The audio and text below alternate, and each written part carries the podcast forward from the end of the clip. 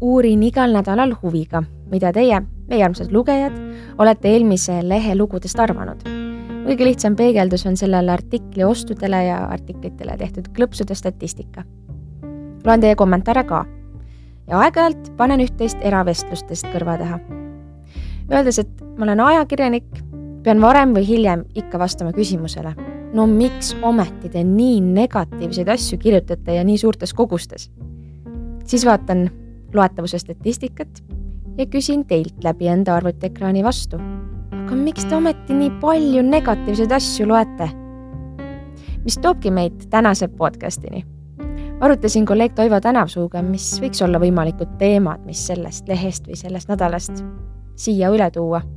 no ja kui uskuda statistikat, peaks rääkima lugu, mis oleks ikkagi seksikas või kuidagi traagiline või lausa vägivallaga seotud. no ma nendin seda nördimusega. Aga miks see nii on, küsis Toivo vastu. tõepoolest, miks?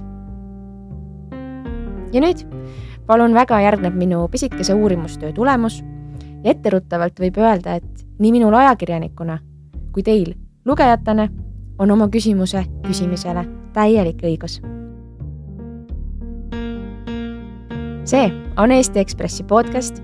mina olen Grete Palmiste. Kanada teadlased Mark Trustler ja Stewart Soraka tahtsid kontrollida, kas peab paika, et lugejad ise on tekitanud nõudluse negatiivse tonaalsusega uudistele. ehk see, millel klõpsatakse, seda ju ajakirjanikud ka rohkem pakuvad. niisiis tegid nad katse. Nad kutsusid inimesed uuringule aga ei öelnud neile, et nad uurivad seda, milliseid uudiseid inimesed valivad. katsealused pandi arvutiekraani taha ja neile öeldi, et uuring keskendub sellele, kus nende silmad ekraanil liiguvad. Neil paluti valida poliitika rubriigist uudiseid, mida nad lugeda tahaks. rõhutati, et oluline ongi see, et nad tekste tõesti loeks. ja selgus kurb tõsiasi.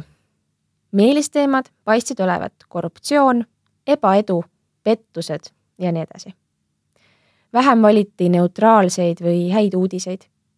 ja eriti valisid lugemiseks kehvapoolsed uudised need, kes märkisid poliitikaga oma huviteemaks. kui teadlased katsealustelt hiljem küsisid, milliseid uudiseid nad eelistavad, ütlesid nad, et ikka häid uudiseid, lisades, et ajakirjanduses ilmub liiga palju negatiivseid lugusid. ja ometigi ise nad just ju negatiivseid uudiseid just eelistasid millega seda kõike siis selgitada?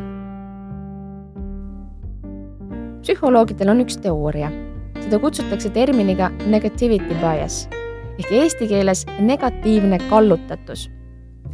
see tähendab, et negatiivsed uudised, lood ja emotsioonid kipuvad meile sügavamat jälge jätma. isegi kui loeme kolm positiivset lugu ja kolm negatiivset lugu, mäletame kirkamalt just ebameeldivusi on leitud, et samal põhjusel langetatakse valimistel otsuseid ka kellegi vastu, reageerides negatiivsele infole, mis vastumeelse kandidaadi kohta on kuuldud. arvatavasti võib see olla põhjusel, et inimesed on loomult optimistid. ükskõik, mis olukorda me satume, me eeldame, et saadav kogemus on positiivne, et ümbritsev maailm on heatahtlik ja kui juhtub midagi negatiivset, on see meie jaoks üllatav ja seeläbi avaldabki suuremat mõju näiteks kui alustame mängu teise inimesega, paneme ka mõne euro panuseks, siis usume, et kõik läheb hästi selles mõttes, et mõlemad mängivad ausalt. aga kui me kaotame, no eks ikka korra kihvatab, et küllap vastane ebaausaid võtteid kasutas. selline katse on ka teaduslaboris läbi viidud, kusjuures võimalused mängu võita olid mõlemal viiskümmend, viiskümmend. aga negatiivsed tunded, kahtlustused tekkisid ikka. toon teile veel ühe näite katsealustel paluti vaadata fotosid. pikemalt peatus inimeste pilk nendel piltidel, millel oli kujutatud negatiivsust. samuti kipuvad inimesed pilgutama sagedamini, kui loevad negatiivseid sõnu, võrreldes siis positiivsete sõnadega. negatiivsus kipub meid paeluma, ta võidab meie tähelepanu.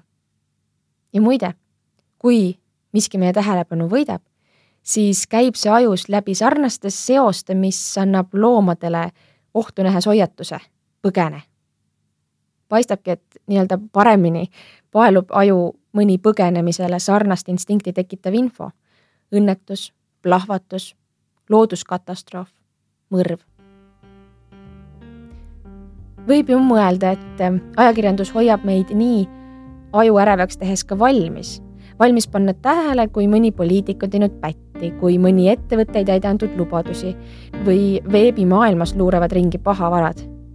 me võtame negatiivse uudise vastu ja oskame tänu sellele end paremini hoida.